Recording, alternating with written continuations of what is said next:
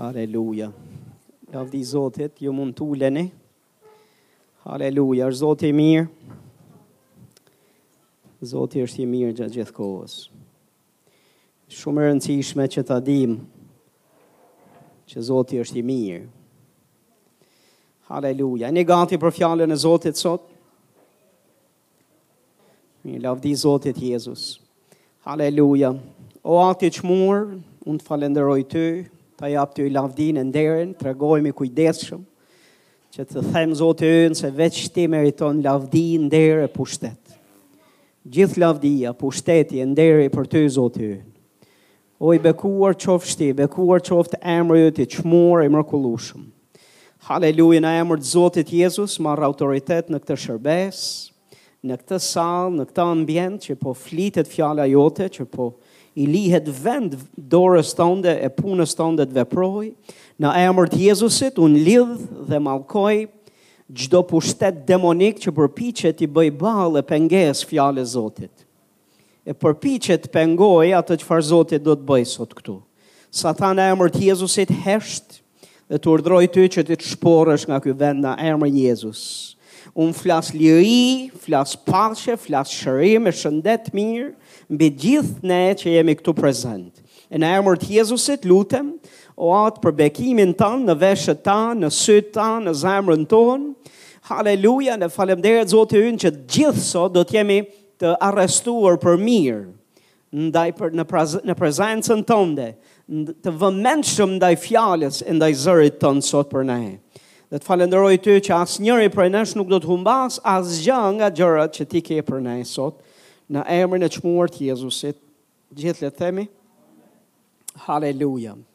Jeremia 29, do fillojmë me vargje, me vargun 11,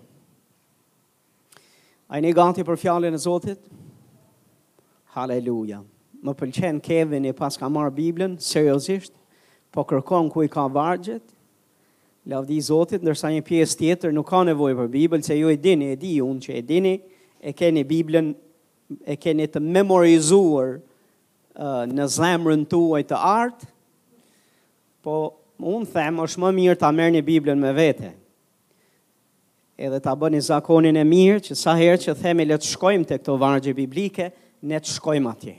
Edhe të marrim shënime, sepse do na bekojnë jetën. Amen. Jeremia thashë 29 vargu 11 fillimisht, po do lexojmë nga vargu 11 deri në 14, sepse thotë unë i njoh mendimet që kam për ju, thotë Zoti, mendime paqeje, jo të së keqes, për t'ju dhënë një të ardhme dhe një shpresë. Do të më kërkoni dhe do të vini të më luteni, dhe unë do t'ju kënaq. Do të më kërkoni dhe do të më gjeni, sepse do të më kërkoni me gjithë zemrën tuaj. Unë do të bëj, thotë, pjesa e parë e vargut 14, thotë, unë do të bëj që ju të më gjeni, thotë Zoti. Haleluja! Këtu ka thesare për të folur dhe për të parë. Dhe dua që të marrim kohë dhe le të shohim atë çfarë Zoti po na kumton, Zoti po na flet në këtë shërbesë sot gjithve ne. Jeremia 29 do filloj fillimisht te vargu 11, shifni çfarë thotë vargu 11. Vargu 11 thotë sepse unë i njoh mendimet që kam për ju, thotë Zoti, mendime paqeje dhe jo të së keqes, për t'ju dhënë një të ardhme edhe një shpresë. Më leni t'ju lexoj disa përkthime Bible të të njëjtit varg sepse na e thjeshtojnë plus që na e bëjnë më të qartë edhe pak më të plotë tablonë e asaj çfarë Perëndia është duke dashur të na kumtojë sot ne përmes këtij shkrimi. Jeremia 29, vargu 11, do të shohim tek një përkthim i Biblës, Bibla e amplifikuar, unë e kam përkthyer edhe në shqip, besoj do ta kemi këtu poshtë, shifeni se si e përkthen në shqip, si do përkthehej në shqip përkthimi, ose ajo çfarë ata kanë si e kanë interpretuar këtë shkrim. Tani, më dëgjoni pak me vëmendje. Ka plot njerëz të cilët në qoftë se do ishin skeptikë ndaj Biblës dhe fjalës së Zotit, në qoftë se do dëgjonin tani pastorin që thotë do shohim disa përkthime në mënyrë që të marrim një pamje më të qartë, thonë e shikon, Bibla ka pësuar ndryshime. 100 e 1.000 gabimet e Biblës, sepse çfarë thotë njëra Bibël, nuk e thotë Bibla tjetër. Cilën lloj Bible të lexojmë? Pastori ju thotë, lexoni gjitha Biblat e mundshme biblike që janë korrekte me shkrimin e shenjtë që nuk shtojnë, po as nuk heqin. Po gjithashtu duhet kuptoni një arsye pse kalojmë nga një përkthim në një tjetër, pse dua që të shohim këto përkthime të tjera, është sepse gjuha e përdorur në kohën e hershme nuk ishte gjuha shqipe, E keni vënë re? Nuk ishte shqip. Ishte gjuhë hebraisht, ishte gjuhë greke, ishte gjuhë aramaike, ishte një gjuhë e cila përdorte fjalët e veta dhe në kuptimin që një fjalë kishte, po duash që të përkthesh, ta përkthesh atë fjalë nga hebraishtja në shqip për shembull, a nga greqishtja në shqip, ti nuk je nuk mund të nuk mund të bësh të bësh shpjegim 4-5 fjalë apo 6 fjalë shpjeguese sepse të 4-5-6 fjalët të cilat i shkojnë për shtat një fjale në greqisht, do të ishin secila prej tyre do të ishte korrekt nëse do shkruhej.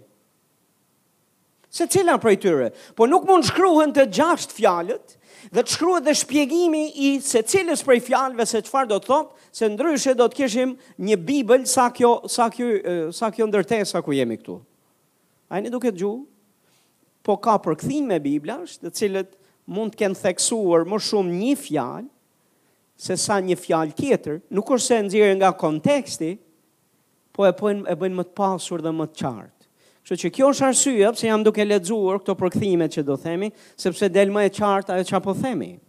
Shifni se çfarë thotë kjo Bibla e amplifikuar, është Bibla amplifikuar po.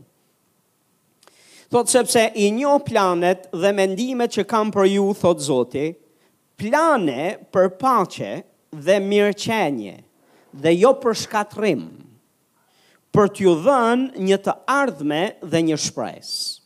Tani, po ta shohësh në krahasim me atë çfarë ne kemi në Biblën tonë shqip, hm? duket se ka plot të përbashkëta. Për shembull, fjalë për fjalë ka pjesën e fundit vargu që thotë për t'ju dhënë një të ardhme dhe një shpresë. Dakord? Mirëpo, thotë ca gjëra të cilat janë janë janë e bëjnë më të plotë këtë varg dhe më pëlqen kjo kjo ky përkthim. Pse? Sepse nëse në Biblën tonë thuhet sepse unë i njoh mendimet që kam për ju, thotë Zoti, në këtë përkthim thotë sepse unë i njoh planet dhe mendimet. Në është një gjë që të kesh mendime. Të të shkojnë gjëra nëpër mend për dikë dhe është krejtësisht një hap tjetër në qoftë se këto mendime ti merr kohë dhe i planifikon si të realizohen. Dhe në fakt nëse e shikon me kujdes, aty është duke thënë plane dhe mendime që kam për ju. Perëndia ka plane, Perëndia ka mendime për ne. Amen. Dhe na thotë gjithashtu që këto plane ja edhe mendime janë për paqe dhe për mirëqenien tonë. Domethënë që ne të jemi mirë, të jemi mirë mendrisht, të jemi mirë shoqërisht, të jemi mirë fizikisht, të jemi mirë materialisht, të jemi mirë në çdo aspekt e fushë të jetës tonë. Perëndia planifik, ka planifikuar, ka menduar, po dhe planifikuar pikërisht këtë lloj jete, një jetë të mirë, mirëqenie. Dhe çfarë thotë tjetër? Paqeje, plane paqeje.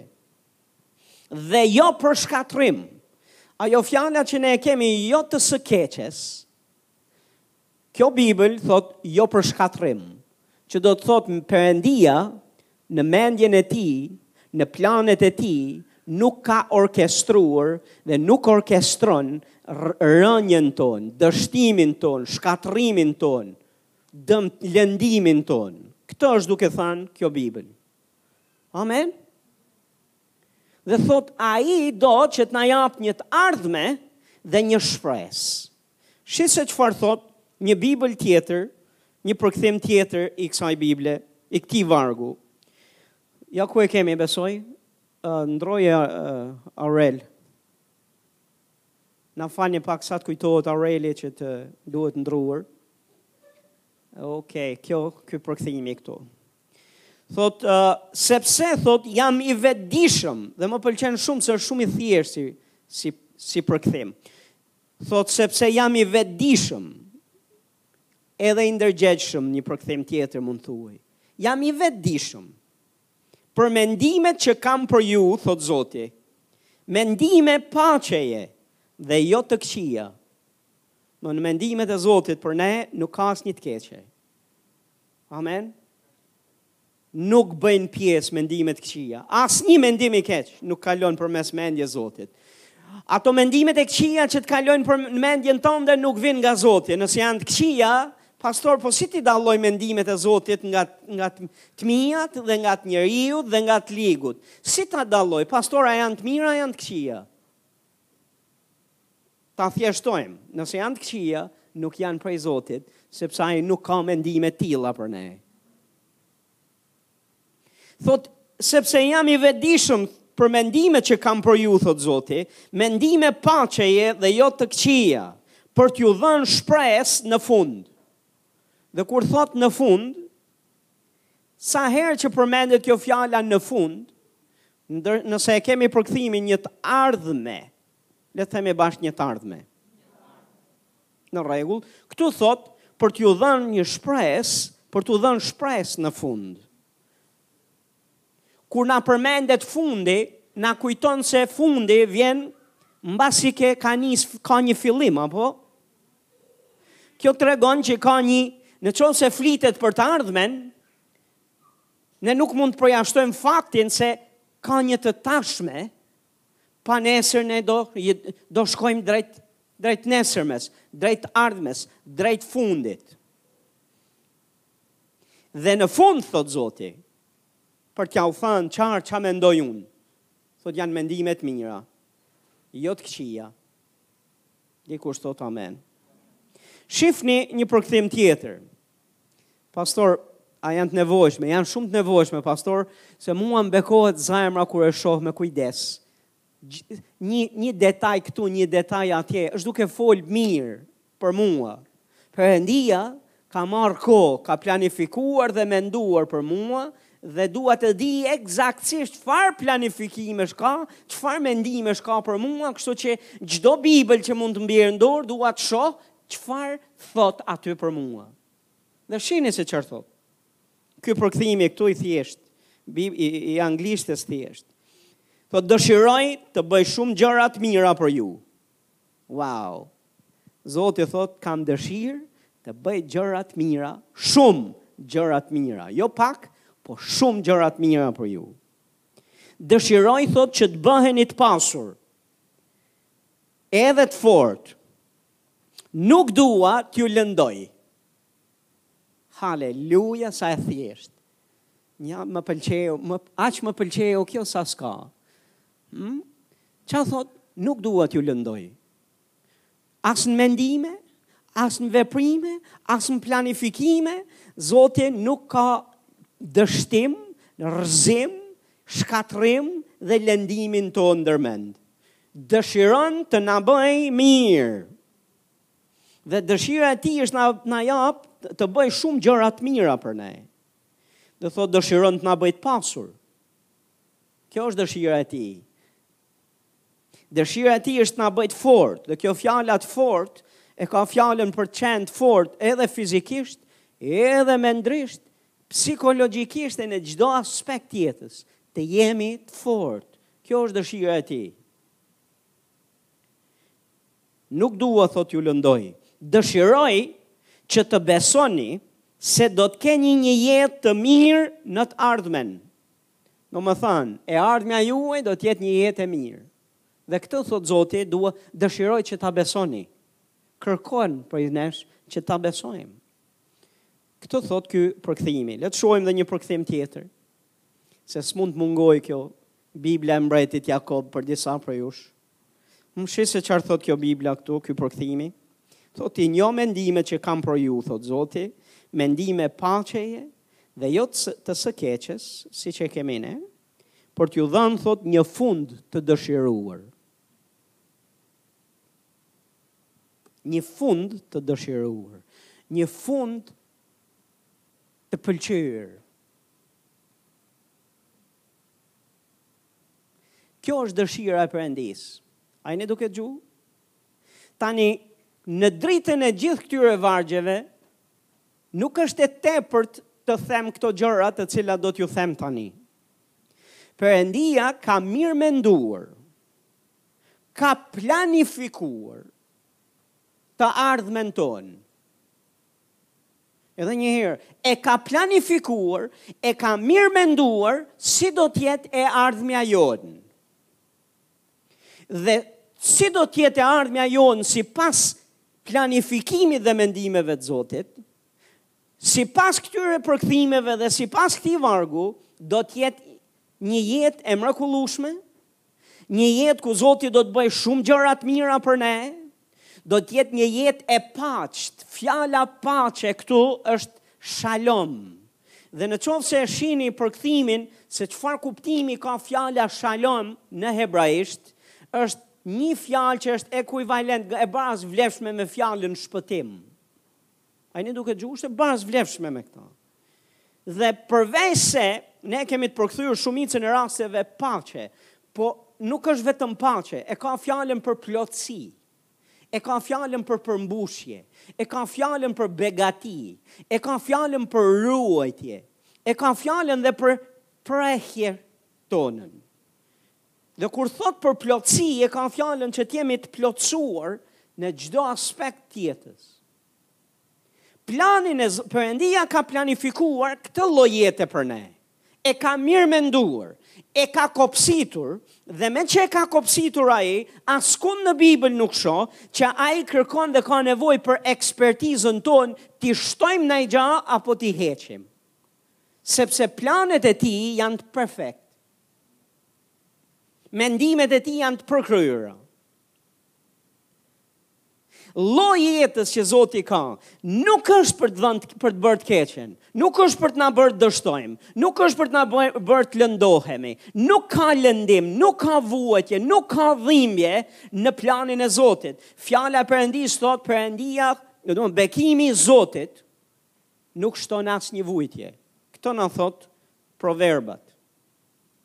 Dhe Perëndia këtë jetë që ka planifikuar për ne, ai e ka kopsitur mirë në mendimet e veta para se të vish ti në jetë.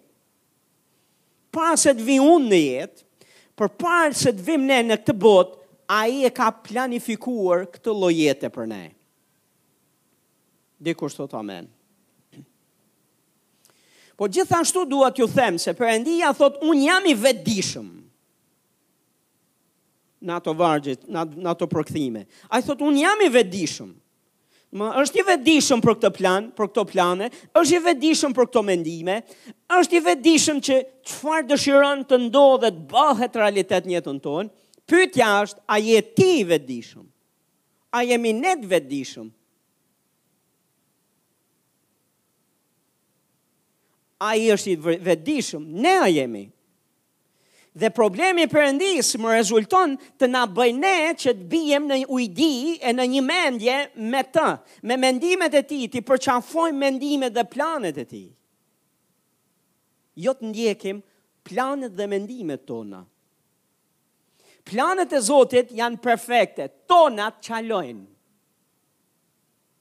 tonat janë të destinuara që të kenë mungesë dhe shumicën e kohës përfundojnë me lot. Shumicën e kohës përfundojnë me rrëzimin dhe dështimin tonë.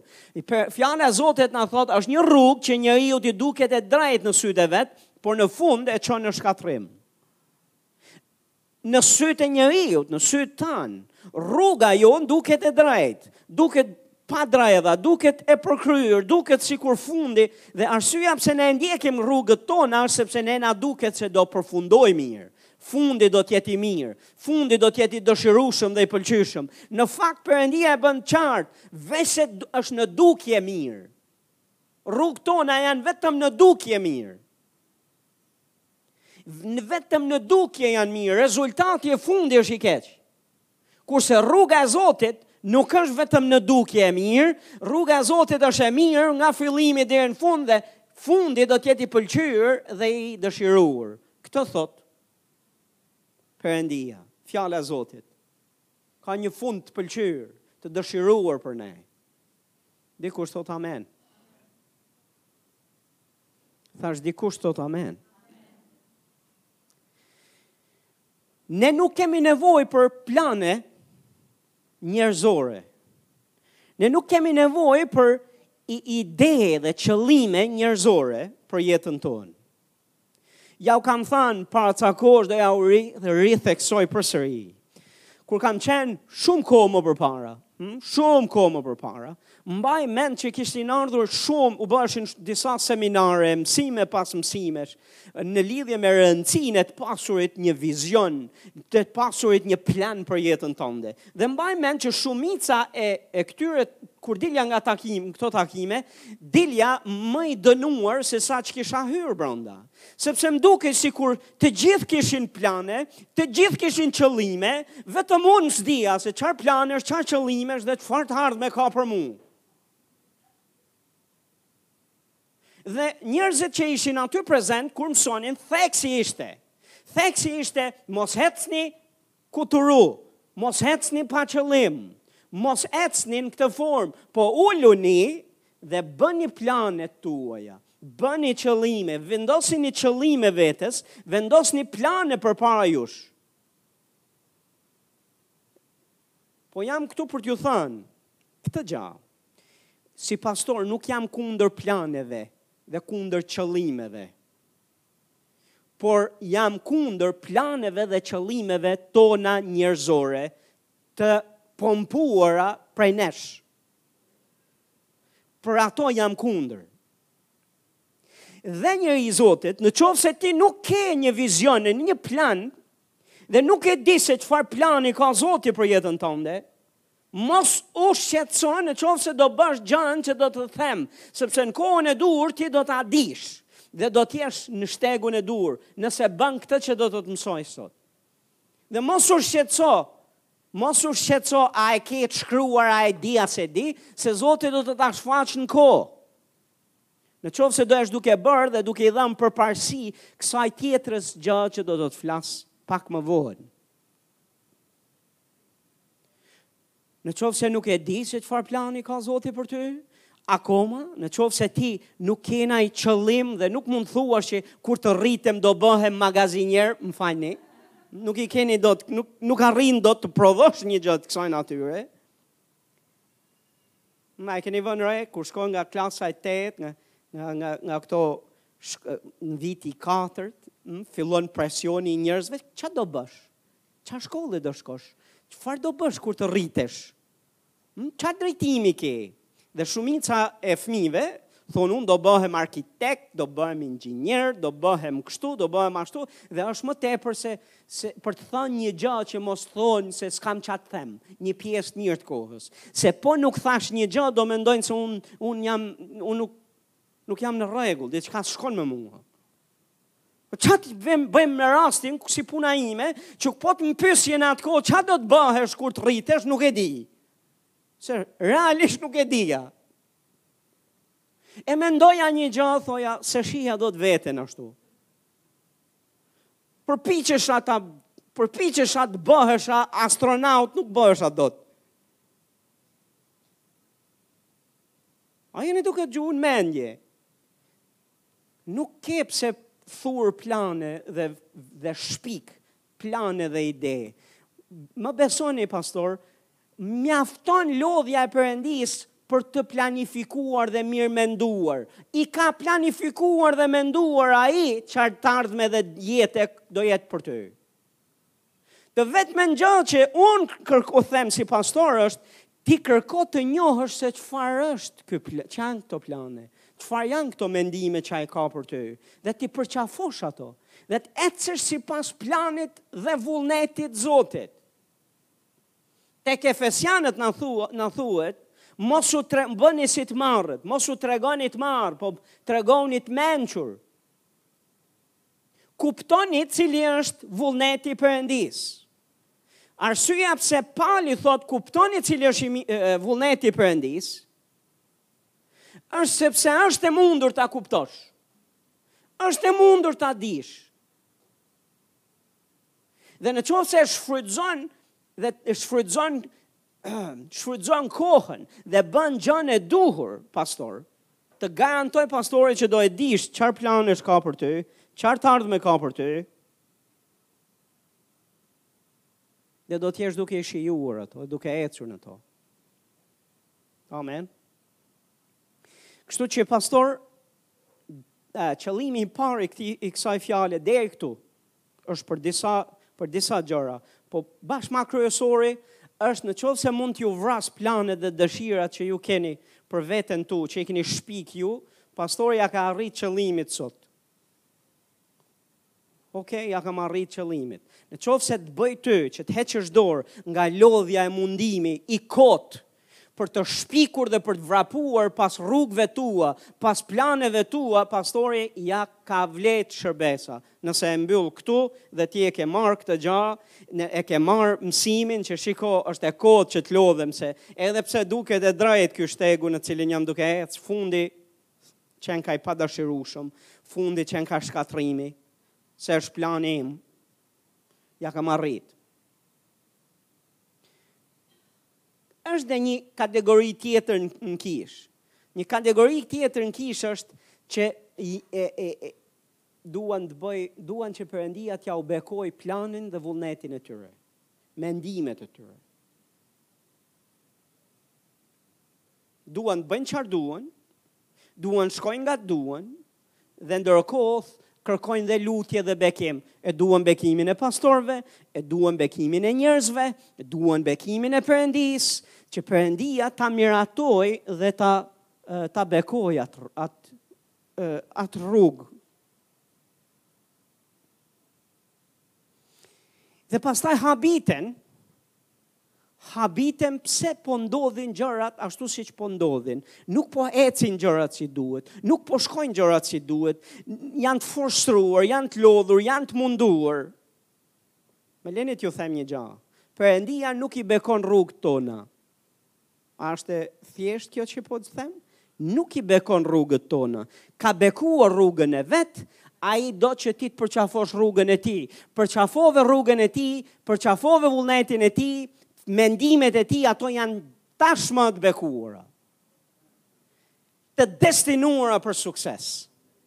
Të destinuara që në fund të japin rezultate të mira, të dëshirueshme për Perëndinë dhe për ty. Të destinuara për të dhanë paqe, për të bërë të plot, për të rujt ty, për të për të bërë për për të dhënë ty mbarësi, për të bërë ty të fortë, për të bërë ty të pasur. Rruga e Zotit, planet e tij janë të bekuara. Mos mos lufto me Zotin Mos lufto me Zotin, të shkosh mbas planeve tua. O bëhen planet tua, o s'ka. O bëhen, realizohen rrugët e tua, o s'ka. Jo njeri i Zotit, jo, mos. Më mirë, dorëzoji rrugët e tua, planet tua, përqafo të tijat.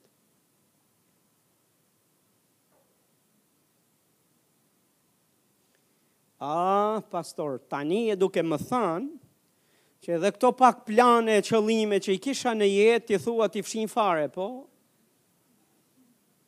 Mos kem asnjë lloj plani, asnjë e dija që të shkosh në kishat ungjillore, kështu të thonë. Hm, këta kishat ungjillore thonë, hm, ta shplajnë trurin. E kupton? Këta ta shplajnë trurin.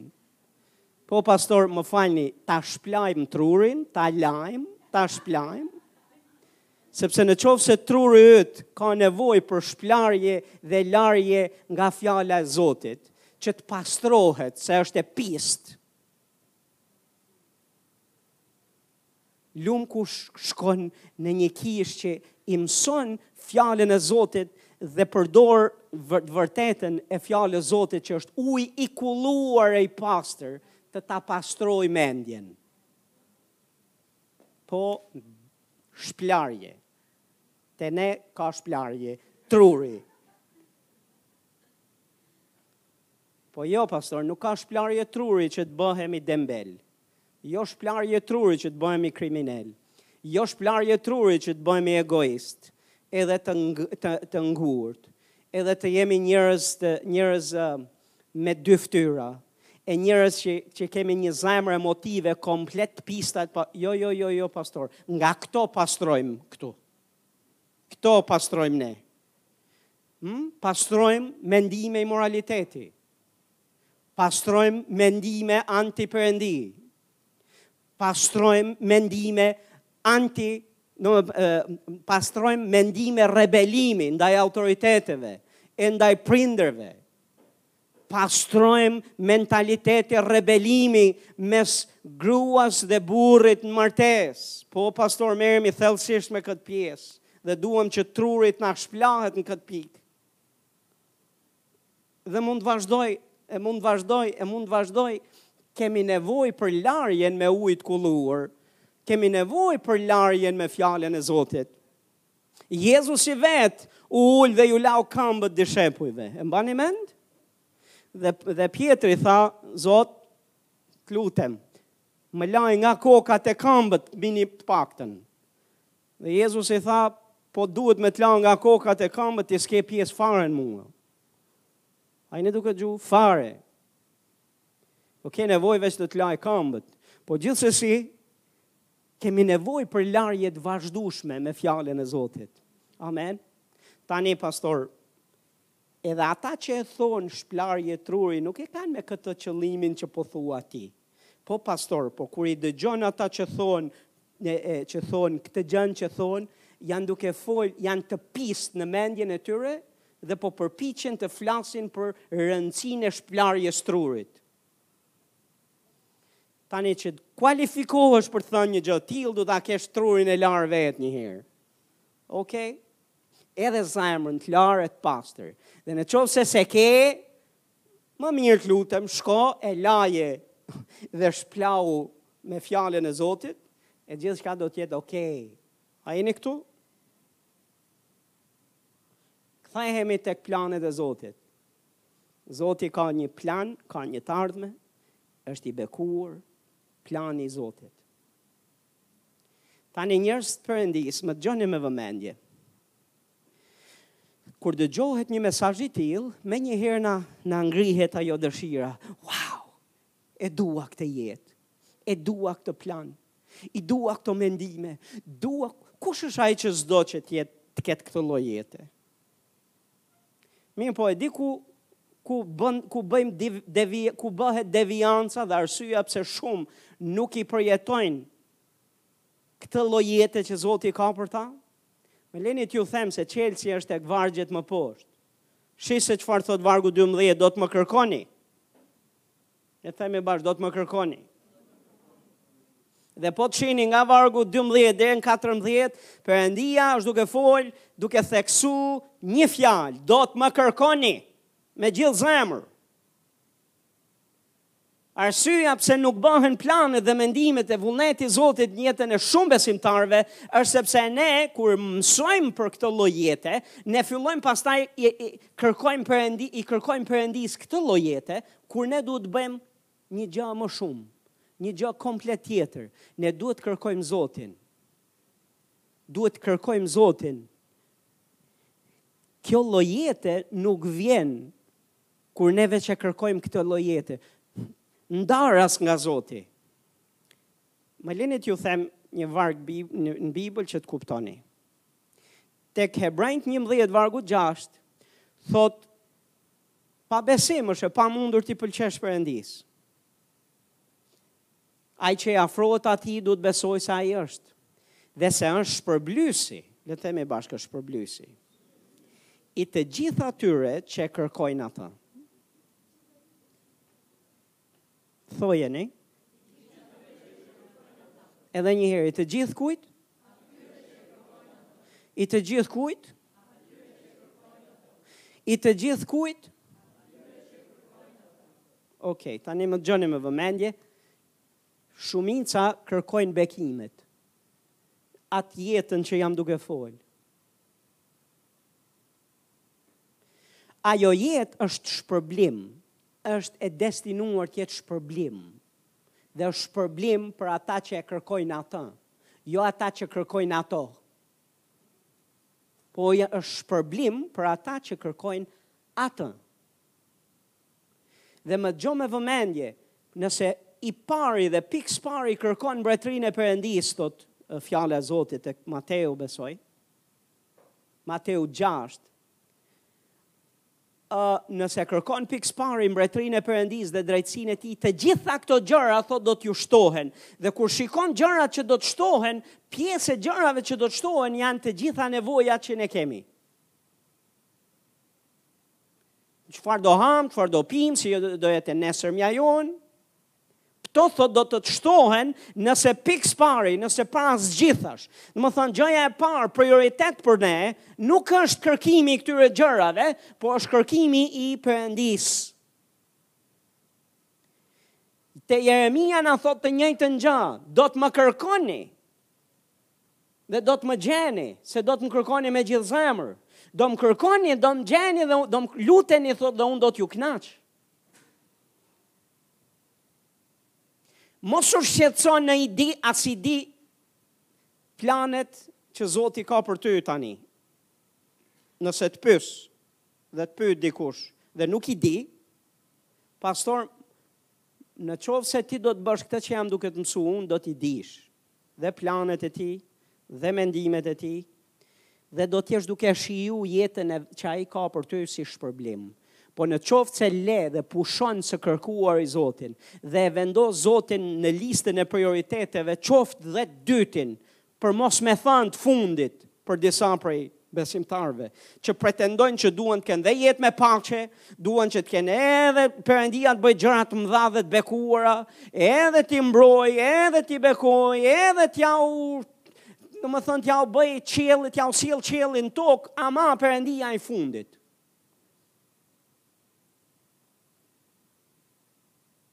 Nuk shkojnë këto bashkë. Perëndia i pari, ai është duhet të jetë autoriteti parësor. Ai duhet të jetë gjëja, personi që ti dëshiron më fort, që kërkon. Dhe ti nuk e kërkon për interesin që të kesh atë jetën që është duke folur këtu, po ti e kërkon sepse do të kënaqesh me të. Do të gjesh kënaqësi në të dhe ta lësh atë të kënaqet me ty. Ti e kërkon atë sepse ai është Zoti yt.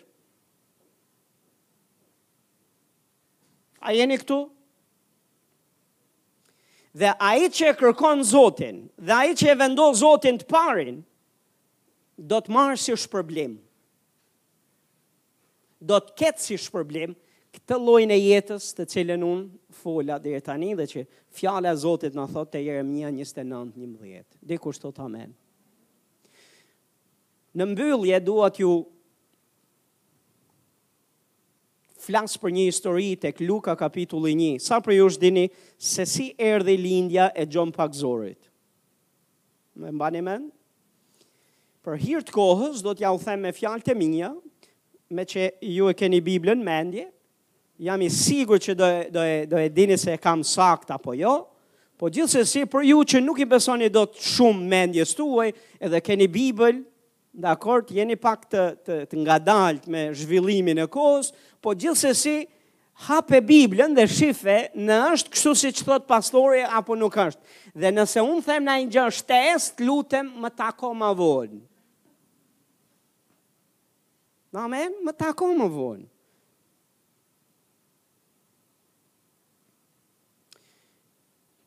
Fjala e Zotit thotë që Zakaria dhe uh, Elizabeta me meqë ra fjala jemi duke fol për memorien apo për memorien me sa me, me lini t'ju tregoj se sa e bekuar është memoria nganjëherë Hmm? Unë lavdëroj Zotin që nuk e ka lënë vetëm në memorie fjalën e tij, po e ka shkru në Bibël. Amen. Dhe ka pas plot njerëz të mençur që e kanë shkru në libër. Nuk e kanë lënë që të ngelet në memoriet tona. Po shkoja kësaj të diele për kishë, për në Thumanë. Dhe isha i bindur në mendjen time, Sepse edhe isha zgju pak se kisha fjet vonë, isha zgju i qi kështu si me si me me shpejtësi pak të madhe dhe po mendohesha rreth kësaj historie që po ju flas dhe më ishte fiksuar që gruaja e Zakarias ishte Ana.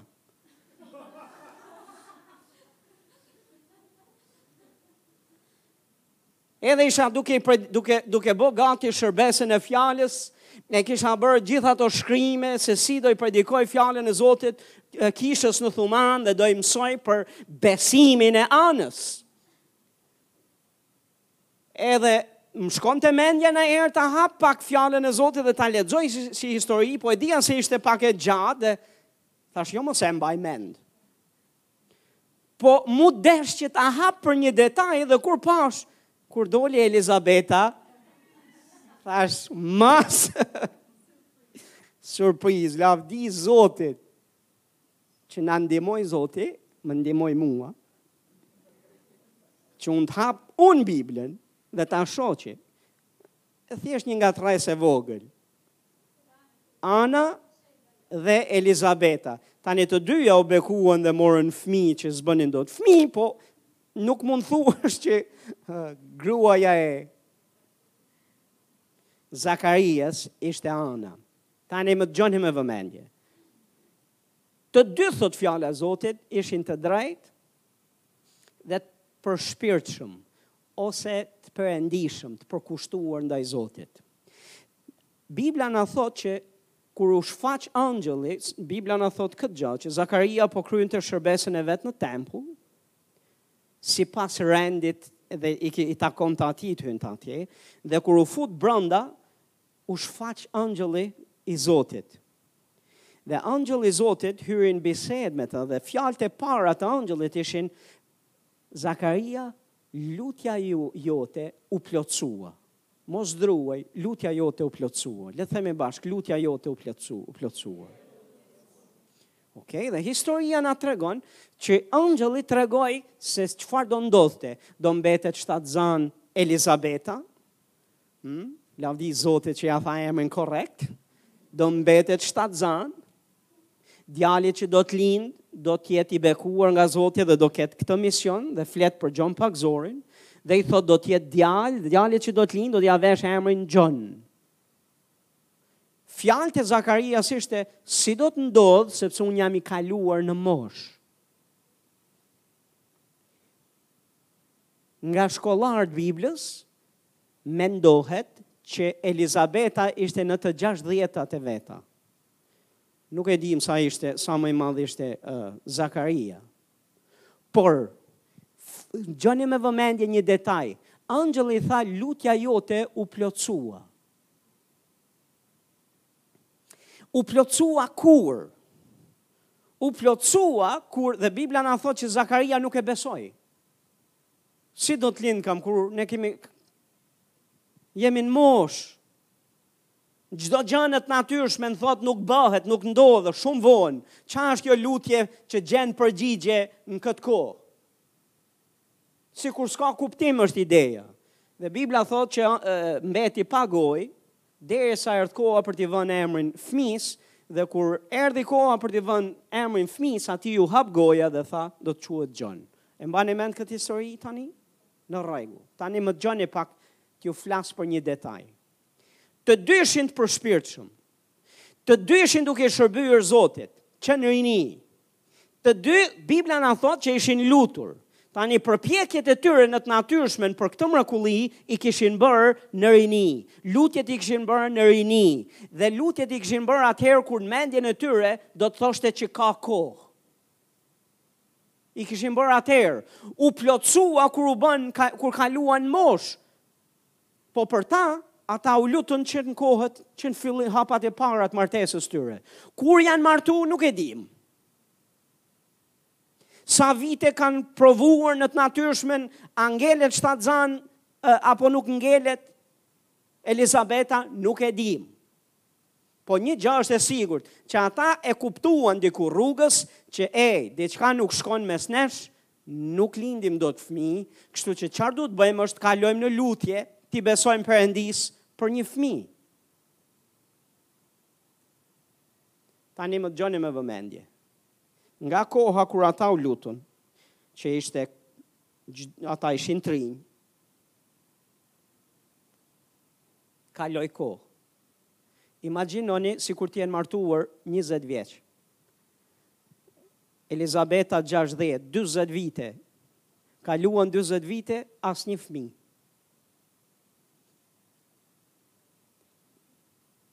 E dëshironin të kishin një fëmijë, ia kërkuan Zotit një fëmijë, fëmija nuk erdhi. Kaloi mosha, mosha e lindjes, tashmë Zakaria e kishte fjet mendjen. Edhe Elizabeta e kishin fjetur mendjen që ne do mbetemi pa fëmijë. Po një gja më dëgjoni me vëmendje që e shof fort te ky burrë dhe kjo grua për shembull. se herë mbas herën e marrim shembullin e dyshimit. Po një gja, një gja është e fortë te ky burrë dhe kjo grua. Pamvarësisht morën përgjigjen e lutjes apo jo, se për ta ata s'e morën atë përgjigjen atëherë. Ata ishin të përshpirtshëm e dedikuar ndaj Zotit. Nuk hoqën dorë rrugës. Nuk hoqën dorë rrugës. nuk e lanë Zotin rrugë. Të thonin, e, e, u luta, po s'm'erdh, Zoti s'ma dëgjoi lutjen. Ja që Zoti nuk është, është provë se nuk është. Një pjesë e njerëzve që vijnë nëpër dyert e kishave tona, bëjnë një lutje sot, ditën e, e, e, e shtunë, a të mërkurë, di, maksimumi dita e enjte duhet të jetë përgjigja aty. Dhe po s'erdh, Zoti nuk ekziston. Zoti nuk e dëgjoi lutjen tonë. Zoti nuk do t'ia dijë për hallet e nevojat e mia. Heu, me vërtetë. Nuk shkoj te kisha ma. Nuk shkoj më, nuk e lexoj Biblën ma. Nuk lutem ma. Me vërtetë. Pse? Pse se nuk nuk të nuk të erdh karameli aty kur e deshe ti. Këtij burri dhe kësaj gruaje nuk i erdh fare. Sa ishin në kohën kur edhe ata besonin se e, Zoti do na bekojë, po jemi t'ri, çdo gjë do funksionojë. Po kur kaluan moshën, fjetën mendjen më që një Abraham njohim që i ka ndodh kështu, Kaq. Po më dëgjo me vëmendje. Njerëzit shumë herë abortojnë atë lloj jete që Zoti ka për ta për një pjatë supe rrugës. Për disa gjëra që nuk i kuptoni rrugës, për ca lutje që ju i keni bërë dhe s'ka ardh hala përgjigja, edhe edhe hedhim shqelma e heqim dorë së dedik, së qenit dedikuar ndaj Zotit dhe kështu humbim llojin e jetës që Zoti ka për ne po më dëgjo me vëmendje nëse Zoti është i pari për ty me përgjigje lutjesh pa përgjigje lutjesh me kur kupton me kur s'kupton me kur ke pyetje me kur s'ke pyet s'ke përgjigje Ai është i pari sepse është Zoti yt dhe ti je je je uh, je fëmija i tij që do ta duash dhe do ta ndjekësh për kush ai është. Dhe e ndjek atë jo për çfarë ka për ty, edhe çfarë mund të bëjë, çfarë s'mund të bëjë për ty, po e ndjek sepse ai është Zot. Se e ke i ke thënë, o Zoti im. kualifikohesh, do të shpërblehesh, do të shpërblehesh nga Zoti. Edhe lutjet tua nuk do të shkojnë kot. Mund të mos përgjigjet Zoti në kohën tënde, po do të përgjigjet në tijën. Mund të ketë fshirë, mund të ketë mbaruar gjithçka për mendjen tënde, s'ka mbaru për Zotin. Sepse Zoti është xheloz për marrëdhënien tënde me të pikësëpari. E me tjera fjalë, a e dini që Zoti e provon dashurinë që kemi për të? A e dini këtë gjë apo jo?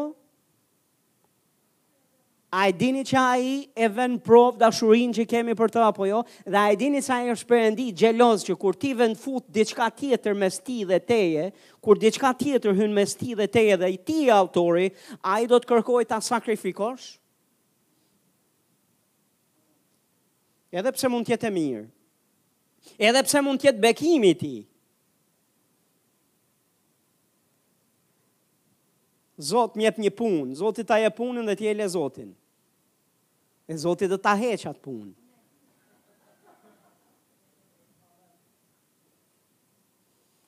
Lutja e pastorit është një minutë e më parë.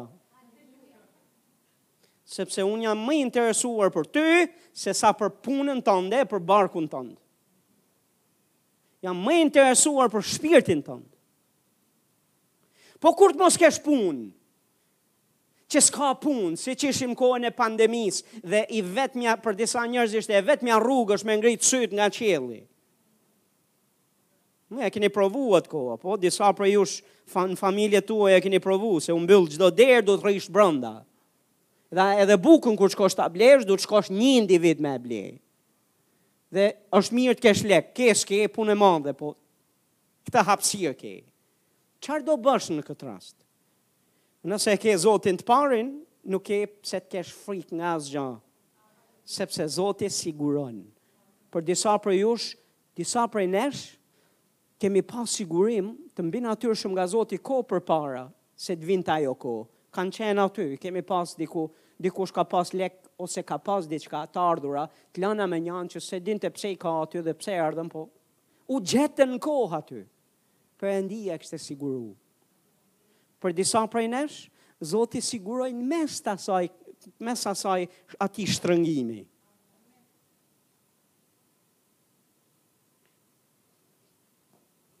Pun, s'kesh pra pun. S'mund punoje pra, duhet të rrije në shpi. Kur Zoti është i pari, Çdo gjë tjetër do të shtohet e do të jepet shpërblim. Le të ngrihemi. Haleluja. Ar Zoti i mirë. Zoti është i mirë gjithë kohës. Haleluja. Oh, haleluja. Pastori nuk ka thënë mos keni plane, pastori nuk ka thënë mos keni mendime, po pastori ka thënë përqafoni planet dhe mendimet e tij, ndiqni planet dhe mendimet e tij, ato janë të bekuara, kanë bekimin e Zotit, tuat Nëse janë tuat a të njeriut janë të destinuara që të sjellin dhimbje, lot e lëndim e përfundon në shkatërrim, nëse janë të Perëndisë janë të destinuara të kenë fundin e dëshirueshëm, fundin të cilin premtojnë se do të kenë. Mendimet e tij janë në këtë libër. Planet e tij janë shkruar në këtë libër. Mendime dhe plane ka të shkruara këtu kryesoret janë këtu, po ka dhe unike, specifike, që janë në frymën e Zotit. Unike në zemrën e Zotit, që përmes frymës tij do t'i kumtojë secilit prej nesh, kur të rrish me ta, kur e kërkon atë me gjithë zemër, kur e kërkon atë me gjithë zemër. A jeni duke dëgju? Më dëgjoni pak me vëmendje pastorin t'ju them një gjë që pastori juaj ka bërë mirë në këtë jetë. Një gjë. Nuk është se i kam bërë gjitha gjërat mirë. Okej. Okay. Ka plot gjëra që do doja t'i kisha bërë ndryshe. Pastori e ka pa veten e vet hundë në buzë. Shumë herë kur kam ndjek planet dhe rrugët e mia, e kam gjetë veten time në gropë, e kam humbur çdo gjë rreth e rrotull. Çdo gjë që e kisha të shtrenjtë dhe mendoja se e kisha, ka ndodhë plot raste, ku më është dasht t'ia nis nga zeroja, nga, ka pas raste nga minus zeroja.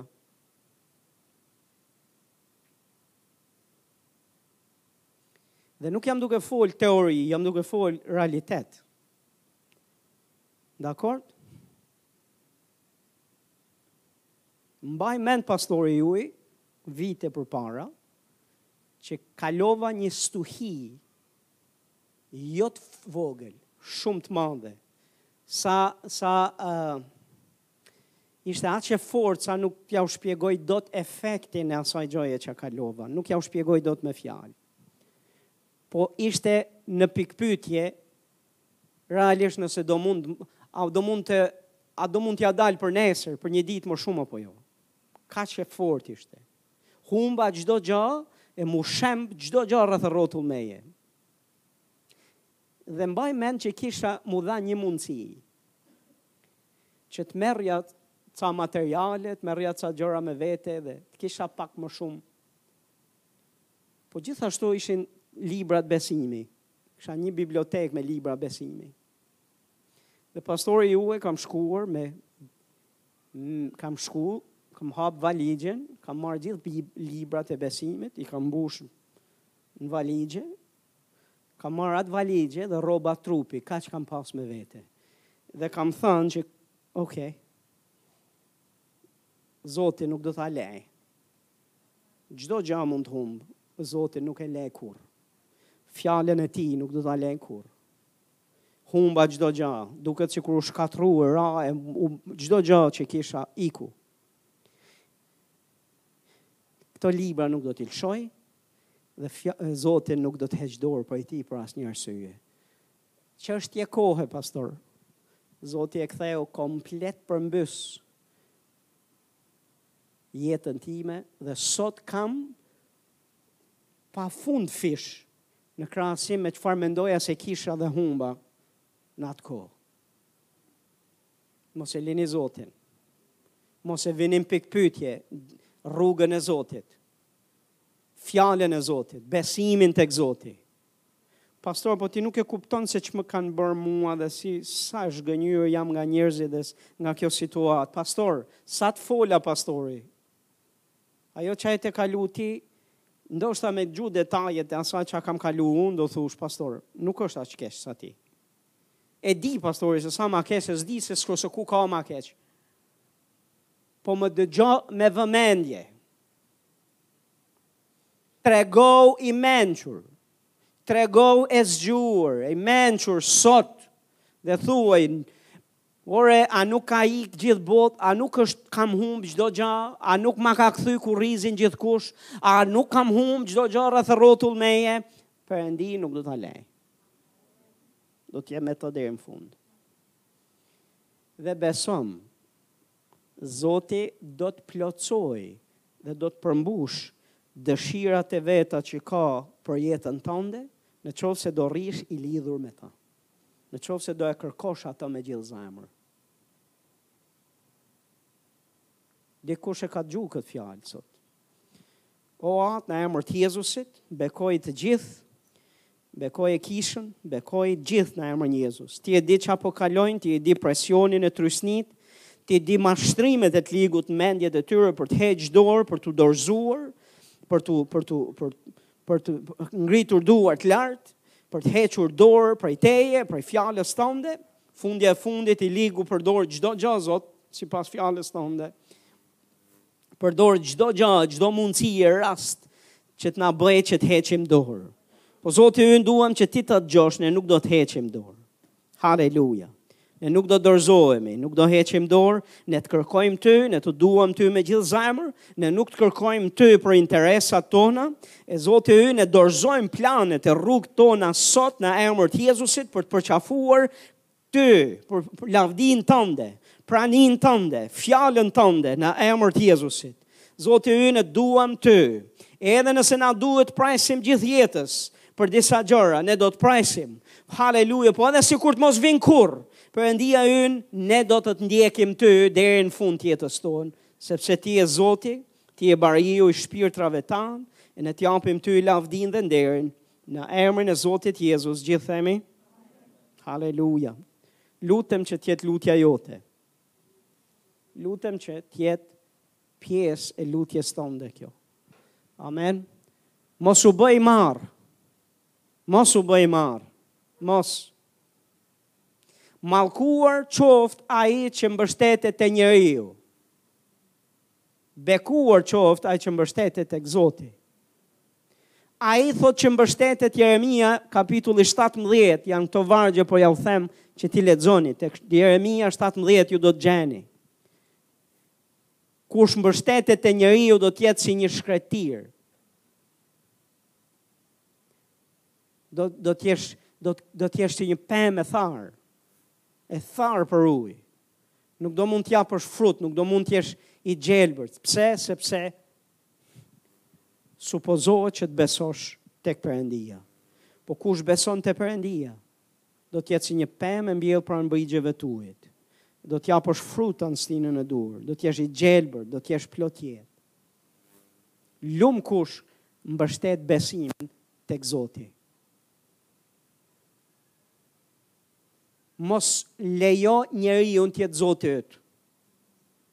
Pastor, nuk dua t'ja di se ç't'ka thënë njeriu, ç'po të bën njeriu, çfarë po bën njeriu.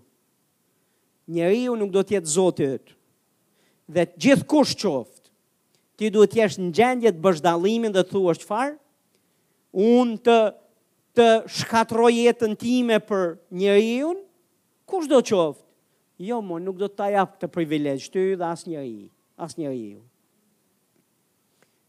Amen. T'i bëj ca pyetje, opinionin e kujt dëgjon më shumë? Njeriut a Zotit. I bekuar do të jesh po dëgjove të Zotit.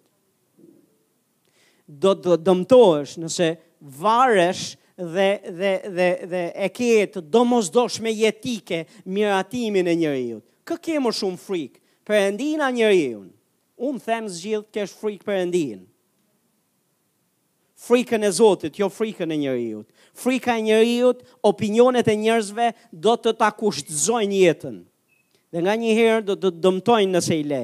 Prandaj ki besim te zoti, mbështetu te zoti. Dëgjo atë, ai e di më mirë. Haleluja.